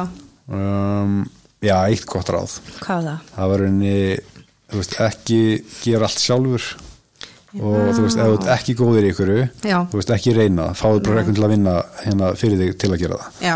það er eiginlega, það var geggjaráð sko. Ok. Af því að þegar maður er að byrja svona fyrirtæki og langað að gera allt sjálfur bara þú veist, Já. bara bókaldið og reksturinn og auðlýsingar og, Mhm. og bara eh, salan og allt sko já, en það er alltaf einhverjir eitthvað sem þú ert ekki góður í og bara hefur ekki áhuga og þú bara, þú veist, mismyndi týpur alltaf, sko Já. og þe- bara, þú veist, eins og það að sleppa því að hugsa um bókaldi að fá bara einhvern í það það var bara því líku létti, sko Mhm. já það Þú ekki, veist, er þetta jú, ekki rosa vinna á bókaldi? Jú, jú, algjörlega, sko, sérstaklega þau eru ekki áhuga á því Það er bara- Ég hef núll það er áhuga á helvíti, sko. stærðfræði, maður. Já, já, nákvæmlega, sko Þannig mér langaði að gera þetta sjálfur af því mér langaði að læra þetta og vera góður í þessu og allt svona Já. og þú veist, ég hafði alveg þess að bara þegar ég var í skóla, þú veist, þá fór ég alltaf þú veist, bókald, hagfræði, viðskiptafræði og allt þetta Mhm. og ég hef áhuga á bókaldum minnst alveg gaman að þessu en að vera að sinna öllu einhvern veginn á sama Já. tíma það bara er ekki hægt, sko Þannig að þetta er svolítið svona allir geta eitthvað, engi getur allt. Já, já, algjörlega, sko, Þannig að- algjörlega og bara hvað er þú að fókusa þínum, eða hvað er þínum tíma best varið Já, þú veist að eigða klukkutíma á dag í bókald þegar þú getur verið að gera eitthvað annað sem þú er betri í Mhm. Já. Þú veist, það er bara stúbeti sko erst að fá til en unga fasteignasal eða úst nýjútskriða bara, herru, viltu taka við mér? Langar að- já, svolítið sko þú Já. veist, en ég bara, ég er svolítið búin með þann pakka þú veist, það var eins og 2018 tók ég inn alveg mikið af svona nýliðum og Mm. hérna var svolítið með svona, svona smá þjálfunar dæmi og, og það fór bara rosalega mikil tími í það og mikil, mikil vesen og þú veist, það fór einhvern veginn þá bara þá þurfti ég bara eiginlega að vera bara í því að hjálpa og þú veist, vera svolítið að gera já, við, sinna sölunni sjálfunni samt sína þeim og þú veist, Já. einhvern veginn, það var svona þú veist, það fór bara allur tímin í það, sko Já, er erfitt að komast á læri eða úrst að útskriðast eða að starta þér? uh, bara að kom, fá vinnu Nú og veist, svoleiðis veist, eru margir eldri fasteignasal eldri að nenna að taka við nýlum þú veist, Já, og kjörn, veist, já. að því þetta er svo mikið tími eða ekki? Jú, það er mismunandi, sko, þú veist, Já. það er yfirleitt, það eru fastina sölu sem að borga bara lága þóknum til hérna starfsmanna Já. og það er oft kannski svona staðurinn sem að fast, en þessi nýju fastinansala byrja Já, þú veist, þeir fara á svoleiðist að þeir sætta sig við aðeins hérna lægri laun og fá þá frekar hérna, þú veist, meiri kennslu og uh, kannski hérna fá, hérna þurfa jafn- hérna ekki jafn mikið að fá, hérna sækja eignir sjálfur fá eignir upp í hendunar og, og fara síðan um sína og svoleiðis sko og svo um leiður við komum aðeins með reynslu þá hoppa þær á næsta stað myndur Og- segja að það sé vel borgað fyr- fyrir fólk að starfa við þetta? sko það er- í- það getur verið það Já, að því að núna í dag þú veist, miða við fjölda eigna þá er cirka einn fastinansali á hverja eign á mánuði já, þannig að meðal fastinansali er að selja eina eigna á mánuði ok og þú ert með nokkra fasteinansala sem eru kannski að selja 6 til 10 eignir á mánuði og þá ertu kannski með 8 fasteinansala sem selja ekki neitt Já, að því ef meðaltalið er einegna mánuði og nokkur eru að selja meira það er alltaf fullt af fasteinansala sem að, þú veist, er bara vesen hjá og, og ná bara ekki að selja sko já, og þú sérð oft svona eins og það eru örugglega margir sem tengja við það þú sér hérna þú er kannski að skoða íbúð og gerir tilbúð og fastinasalinn er ógeðslega kræfur á að fá þína eign í sölu Já. þú kannski segir bara herri ég er með fastinasala þú veist og hann segir bara herri þú getur ekki keift hana nema að koma til mín mm. þannig er svolítið fastinasali sem á, á í vandraði með að fá eignir í sölu já, þú veist þegar neyða manneskinu til að koma með eignin í sölu hjá sér já þannig að þetta er svona svolítið munur á fasteignarsölum svona í vinnubröðum oft sko Já, sumi látaði bara skrifa undir að ef þú kemur til mín Mhm. þá máttu ekki, þú veist, vera hjá öðrum með að skrá. Nei, ég- ég- kannski freka sko, þú veist, ef þú ætlar að kaupa eignar mér, þú Já. Mhm. bara finnur drauma eignina hjá mér og ég myndi segja við þig bara, herrið, þú þarft að selja hjá mér Mhm. til að fá eignina Já, sem er náttúrulega bara ólöglegt og bannað og allt þetta sko, mm. en það eru sumi sem er að, þú veist, þetta er gamli skólinn. já, algjörlega Maður sko. veit alveg um dæmi að sem að er sagt bara, sagt þetta við fólk. já, Mm, Mhm.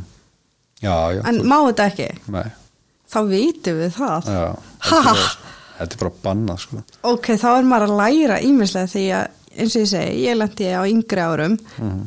Þá var bara sagt, ok, hérna, ég auðlýsi, en þú mátt ekki setja hann á eign hjá öðrum. já, það, þá getur við verið að tala um sko engasölu eða almennasölu Já, að ef- ef þú setur hérna, ég kem og skoða hjá þér íbúðina og segjum bara þetta er verðið og allt svona Mhm.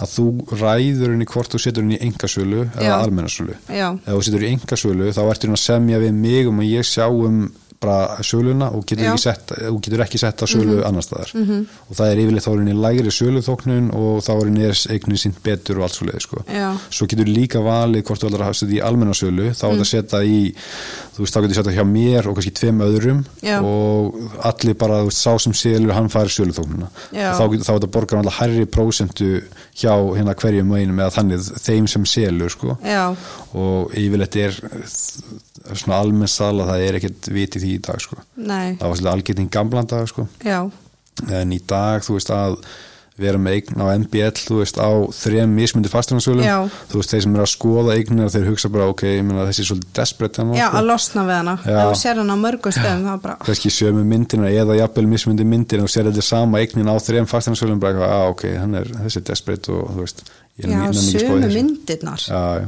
Það er, En mér finnst ókslega gaman samt sko stundum er hérna eh, það er mjög gaman sko stundum að því að, að leita oft margir til okkar með eigni sem að ná ekki að seljast já, og svo skoðum bara okkur hver er ástæðan og þegar að skoða hún er kannski á sölu búin að vera á sölu í mánuði eða tvo eða þrjá eða Já. eitthvað og þú sér bara þú veist, þetta er bara lý- lýsingin er léleg, myndin er lélegar og hann er bara greinlega ekki að sinna þessu Já. og svo bara hérna, set- hérna tekur manneskjan úr sölu þarna setur á hérna hjá okkur og hún selst strax Mhm. Hefurðu Það séð er- hana það þess? er geggjað sko. eru sér þegar Simmi vil teku fyrir Já, hana, já, fastegna, já. ég elsku Ógeðslega þetta. fyndið, ógeðslega Það er fyndið. bara, þú veist, lýsir fastegnálum, þetta er svakalegt, sko. Já, svona gróður hús eitthvað inn í stofu Já. eitthvað svona endrast af pöntum og hókislega fyndið sko svo var eitthvað með eitthvað svona myndir eitthvað, var hérna Steven Seagal eða eitthvað Já. út um alla íbúð hókislega Það er ótrúlega gaman að fylgjast með svona fáránlegum, en maður er alveg bara, hvað, þú veist, hvaðan kom þessi eiginlega? Já, Í já. hvað helli býr hann? Ég maður er ætti að búin segja. að- maður er búin að skoða þessar ókislega mikið af eignum að þetta er alveg sko myndina sem að fastina myndinar Já. veist, þetta er aldrei svo lýsi alveg sko Nei, bara þú veist, þú sér þess að myndir bara vá hvað er næs að búa þarna Já. örugglega." en þetta er bara þú veist, sko, að því að ég hef líka tekið myndi sjálfur Já. og, og þá, þú veist, ef þú tekur mynd og bara, í ge- nánast undteknilegust Mhm. er allt í drasli baku myndavælina þú veist, það verður að færa á milli herbyggja nei, og- er fólk ekki þetta að taka til? Eða? jú, þú veist, bara kannski fyrir, meira fyrir fókus á opnahúsi, þú veist, það sé allt tiltekið þá sko, Já, Eh, þegar hérna ljósmyndari kemur að þá er svolítið svona oft bara rettað og Já. þú veist, þetta er náttúrulega fólk býrðana og allt svona, þú veist, já. það er alltaf dót Það á þetta er- alltaf, Já. það er alltaf dót. og maður er, svona, maður er aðeins að færa á milli herbyggja til að létta á hverju herbyggja fyrir sig Já, og, þú ferð alveg í þann pakka. já, já, já. Ok, Það, því það, þú veist, það munar svo miklu sko. Já. og þú veist, að því að ég hugsa alltaf bara þú veist, er, úps þetta sóta var já, þetta er að rópa já, en þú veist að því að ég, Mannlegur. já, já, ég fókusa svo mikið á þú veist bara þú veist, þegar ég er komin inn í ykkur eign það bara, þú veist, þá fer allur metnaðurinn í það að bara fá hæsta verði fyrir þessa eign Mhm. og hvernig, þú veist, hvað er þetta að gera og allt þetta og myndinunar segja svo ógeðslega mikið, að, Mhm. þú veist, það er unni, það er punkturinn þar sem fólk ákveður ætlaði að skoða þessa eign já, eða og ekki grípum hann. já, algjörlega Ef myndinu er góður. Já, og svo þú veist, einhverjir fara svo áfram að lesa lýsinguna og svo leiðis og Já. fermetrana en, en myndin er alltaf nummer 1, 2 og 3 sko. Þannig að þú mætir ekki með myndalina, heldur þú með ljósmyndra. Uh, Eða- það er mismöndi sko. Já. þú veist, ég uh, við, við vorum alltaf með ljósmyndara Mm. og svo var svo mikið byð eftir honum einu sinni Mm. að hérna við, ég ákvaði bara að smetla myndina sjálfur og byrjaði stundum bara svona að taka myndi sjálfur Mhm. og svo var þetta í lórið þannig að ég var svona að taka betri myndir heldur en hann Nei, Jú, og hérna ei, sko hann er pottitt betri þú veist, ljósmyndar og allt svona en hann er að taka kannski tíu eignir á dag Já. og þarf að hafa þetta svolítið staðlaða lúk mm. og ég, á meðan ég get verið að hérna, fínpúsa aðeins betur og gert þetta mm. poppa þetta aðeins meira sko, Mhm. Já. og það skilur sér í bara miklu flottar myndum sko. erstu á með bara alveg ljósmynda vel eða erstu bara með síman, þú veist hvernig er Nei, með myndavél Nei, með myndavél. Já, ég tek svona, þú veist, ég tek nokkra myndir í, þú veist, af hverju skoti Já. þetta ekki skuggana sér, flass hérna sér og þú veist, tekur henni fjórar myndir saman, Já. það fjórar upp í átta myndir og, og raða eins og saman sko. Ok. og að fínpúsa þetta alveg geðvett sko og meðal hann rísa flass og hvernig tók Nei. sko, já. þannig að við fáum sko svona dýru eignina sem að við fáum svona dýru flottu, þú veist, einbýlishús og svoleiðis, Já. yfirleitt fer ég að mynda það sko Já, þú ferð þar Já, sjálfur að því þá, þú veist, ef þetta þarf að vera bara, bara flott, bara virkilega flott, hérna, flotta myndir og allt Já. að þá fer ég um að tek myndir sko. Ok, en ég man ekki hvað er að tala um núna það sem aðið hátið eins og ég Smá, E Getur það verið? smá, Tekið vel ég var að tala um kynning hvað, nei, Já. við erum komin upp allt annað En hvað, hérna, núna ef að hérna markaðurinn heldur bara fram að hækka Mhm. Vist, er það unga fólki eitthvað að fara að komast áfram á markaðinu eftir hann á að hækka hvað áfram næstu þrjú árin Vist, hvernig verður staðin eftir þrjú ár fyrir það unga fólk sem er sko, að koma inn á markaðin þá ok af því að þetta er erfitt núna Já, að þetta er svona að getur verið erfið sem komið tvær miljónir og nærða að leggja til hlýða kannski bara 50 skalla mánuð eða eitthvað, þú veist það er svona erfitt að elta þessar hækkanir Já. Mhm. en svo ef þú horfir á kannski tölunar að núna þú veist á meðan markarun hækkar um 9% á einu ári Mhm. þá hækkar launin um 11% þannig að þú veist það er ekki bara fastan sem er að hækka, Nei. Mhm. þetta er rauninni þú veist matakarfan og launin og allt annað er að hækka sko en það eru þetta þú veist, ég held að allir geti sagt það að það sé erfitt að safna og, og hérna þú veist, fyrir Já. fastunarköpum sko. Já, en það var hérna áður fyrr þá þegar byggingaverstaka byggðu Mhm. þá lánaður stundum þú veist hlut upp í Mhm. -hmm. er það í dag líka? Já, alveg eitthvað um það sko. Já það? Já.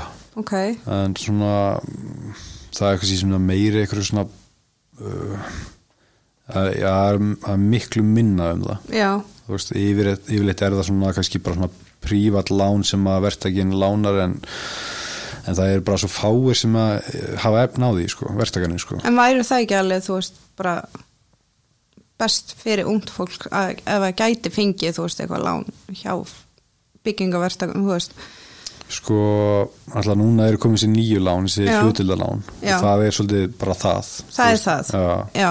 þú veist, þá er þetta að fá lán frá bara ríkinu Já. þú veist, og allt, eða þú veist, tæknilega séð upp í alveg 90% lán já ok, það er bara fyrsta eigna ekki? já. Já. og bara nýbyggingar Já, ok En það er alveg, þú veist, góðu lausn þannig séð, sko, þú veist, ég var svona með og að móti að því mér er svona hálfstúpid að sko ríkið sé að fara í samkjöfni við bankana og fara Já. að lá, ykkur að lána starfsemi, Já. sko en svo er alltaf verið að tala um, þú veist, þessi þú veist, láteikjuhópur og það, þú veist, það er rosalega erfitt að safna og eignast Mhm. Það er íbúð það. og þú ert fastur á leigumarkað og svona Já.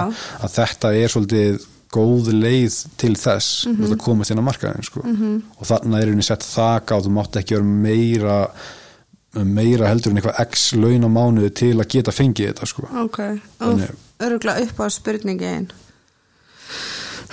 með lánin mm hérna þú veist, með hverju mælu verðtryggingu eða ekki ég myndi alltaf, ég er alltaf smeykuð við þessi verðtriðu sko. Já það, ég er með óverðtrygt og þú veist þetta er yfirleitt fyrir fyrstu kaupin sem er alveg að tegja sig þú veist, eins og geta bara til að komast inn á markaðin þá er náttúrulega afborgun af verðtryggðu er lægri Já. og stundum bara nærið ekki greiðslumati fyrir óverðtryggðu þarft að Já. taka verðtryggt Já. Mhm. þannig að svona sumi taka það til að byrja með og reyna svo að skipta því yfir bara um leið og Mhm. þau geta -hmm. en þú veist verðtryggðu lánin er svona þú veist, mér finnst það skeri að því að láni sjálft ef þú tekur 10 miljón krónar lán Mhm. að þessar 10 miljón eru verðtríðar já, þú veist, þú ert að borga minna mánuði Mhm. en ef það kemur eitthvað svona verðbólgu skot eða þú veist, vextir hækka og allt þetta að þú veist, þá geta þessar 10 miljónir orðið 11 miljónir, 12 miljónir, 13 Já, miljónir ok. þannig að er, þú veist, upphaflega í staðin fyrir eins og óvertryggt Mhm. eins og ég er með, þá ertu bara með 10 miljónir og það er alltaf bara 10 miljónir Mhm. Já. þú borgar á hverju mánuð og það minkar aðeins þú alltaf sér það Já, lækka frekar. já, og- en náttúrulega verðtrygging var sett aðalega og er það ekki til að hjálpa tekilóðu fólki, er það ekki Jú, en við sjáum síðan bara hvernig það endaði já, Þú við veist, sjáum þau um hvernig mi- endaði mistu bara eigninar já, og, þú veist, allt í það ruggli var sko. alveg bara rosalegt sko. en þannig að ef það kemur ung partíin eða ungur einstakling og hann segir þetta, verðtrygginga óverðtrygt, Mhm. segir það bara þú veist, hvor hefur efna og mælur með Nei, óverðtrygt ég mæl aldrei með neinu af því að þú veist, ég finnst það ekki vera mikil Þitt, hlutverk nei. að þú veist, ákveða fyrir því hvað er betra Já. og þú veist, það er svolítið hættulegu leikur að ég fyrir að mæla með ykkur já, og þú tekur ákvörðin út frá því Já. og svo bara hefur baldur sæðum að gera það já, já Þú veist, reyndar Þannig ég myndi alltaf segja bara, þú veist, þetta er munurinn Já. og, þú veist, googlaði líka bara munin, bara mm. verðtrygt og óverðtrygt það er fullt af vídjum sem útskýra Mhm. Já. bara nákvæmlega munin á þessu og svoleiðis, Já. sko. og ég held ég að vera með podcast áttum þetta líka, uh, lánamál eða eitthvað já, og hérna myndi ég segja bara við ég segi bara við fólk, þú veist, taktu þína eigin ákvörðin bara þegar þú ert búin að kynna þið bæði og þekki munin já, þú veist, mér finnst svo mikilvægt að því að þú veist, þetta er stærsta skuldbinding sem flesti Þetta er gera á það. ævinni, þú veist, við erum Já. að tala um að taka lán upp á kannski 10, 20, 30, 40 Já. miljónir þú veist, til svona langst tíma þú veist, 25 eða 40 ár Já. þú veist, taktu einn dag, þú Já. veist, lögadag eða sunnudag eða þú veist, eftir vinnu eða eitthvað Já. ég að kynna þau bara hvað þetta þýðir þú veist, ekki Já. bara, þetta er svo margir hérna að segja, þú veist, er verðtryggt ekki betra af því að Já. það er verðtryggt já eh, fyrir hvernig þetta er verðtryggt, Já. Þetta er verðtryggt fyrir bankan Já, bankan, Já. hann fái sitt Já, En já. myndirðu segja að þyrst að kenna ykkur að svona fjármálafræðslu og eitthvað um þetta í skóla þannig að fólk kom ekki bara þú veist, þegar Já. Mhm. það fer að fjárfæsti í þannig að viti svona hverju er að ganga að 100% sko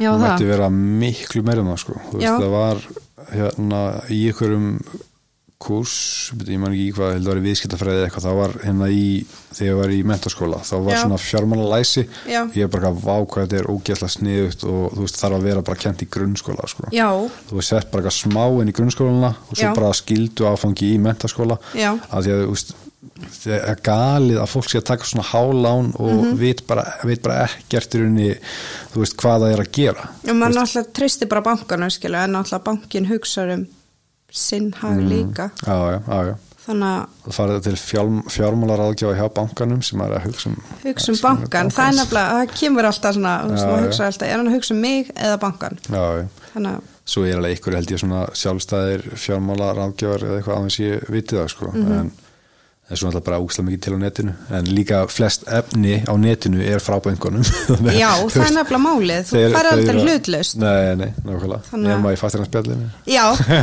mæla með Já, fastegnarspjallinu og Instagraminu. En áður við hættum, Mm. hvað viltu, viltu leipina fólki að segja eitthvað við það? um, ekki elda einhverja hækkanir og lækkanir þú veist, Já. að það eru svo margi sem er að býða eftir að markaðurinn lækki eða þú veist, eitthvað, þú veist, bara þegar þú ert tilbúin bara, Já. þú veist, stökkva að því að, Ok. þú veist, rauninni, þó að markaðurinn lækki eftir hálft ár eða ár Mhm. þú veist, kemur eitthvað svona smá niðursveifla eða eitthvað og það skiptir einhver máli í stórumyndinni að því þú ert að fara að kaupa fasteik sem allar Já. Mhm. eiga næstu 5 árin og 10 árin og þú ætlar að stekka við þig og minga við þig Já. að það er ekki hægt að elda eitthvað svona réttan tímapunkt á markanum Það er aldrei rétti tíminn. Nei, Þannig það að er bara þið alltaf- vantar eign, Já. stöktaðu og sér drauma eignana. Já, þannig séð sko, þú veist að þegar henni horfir á tíu ára tímabil bara frá byrjun, Já. Mm. að það hefur aldrei fastinu verið lækkað, þú veist það lækkar kannski eitthvað aðeins á milli mánada eða ára Já. en yfir lengri tíma litið tíu ára tímabil lækkar aldrei, þetta er alltaf góð fjárfesting Já. og ég ætla ekki að hljóma of mikið eins og fastinu sem er að peppa markaðan sko. en svona hafa þetta í huga allavega að, þú veist, að vera ekki með þessa hræðislu, þú veist, að setja að missa af ykkur Já. eða þurfa að gera eitthvað strax eða þú veist, eitthvað, Já. bara þú veist, þegar þú ert tilbúin, þú veist, að að kýla á þetta ok, og leita til þín Já, kynna sér eða bara kynna sér þetta skilur þú veist Já. eins og lög um fasteina eða kaup og sölu fasteina, þú veist bara Já. Mhm. mjög skýr og fín og bara lesa þau, þú veist hlusta á hérna horfa á vídeo, hlusta Mhm. á podcast og, og eins hvað það spaldus Já, og þitt meina og mitt, já þú veist bara kynna sér þetta í mildtíðinni, þú veist áður og tekur skrefið og ferða að stökkva sko Já, mér fannst það þyrst að ræða þetta því að það eru svo margir að spá í þessu Já. Þannig að- og þetta er líka bara drókjæsla stórt þú veist bara að kaupa fasteina þetta er huge þú ert bara fastur hann að við þess að steipa og borga henni Já, já, algjörlega, Þannig algjörlega. en já, þannig að það geta allir nálgast á Instagram og TikTok og, og Baldur netinu fasteignasali. Ha? Já, Baldur fasteignasali Baldur fasteignarsali bara senda spurningar á Instagram eða eitthvað já, og fasteina spjallið podcast já, ég fæ að leita til þín bráðum þegar ég fer að selja já, algjörlega, algjörlega. herri, takk fyrir Sumleis.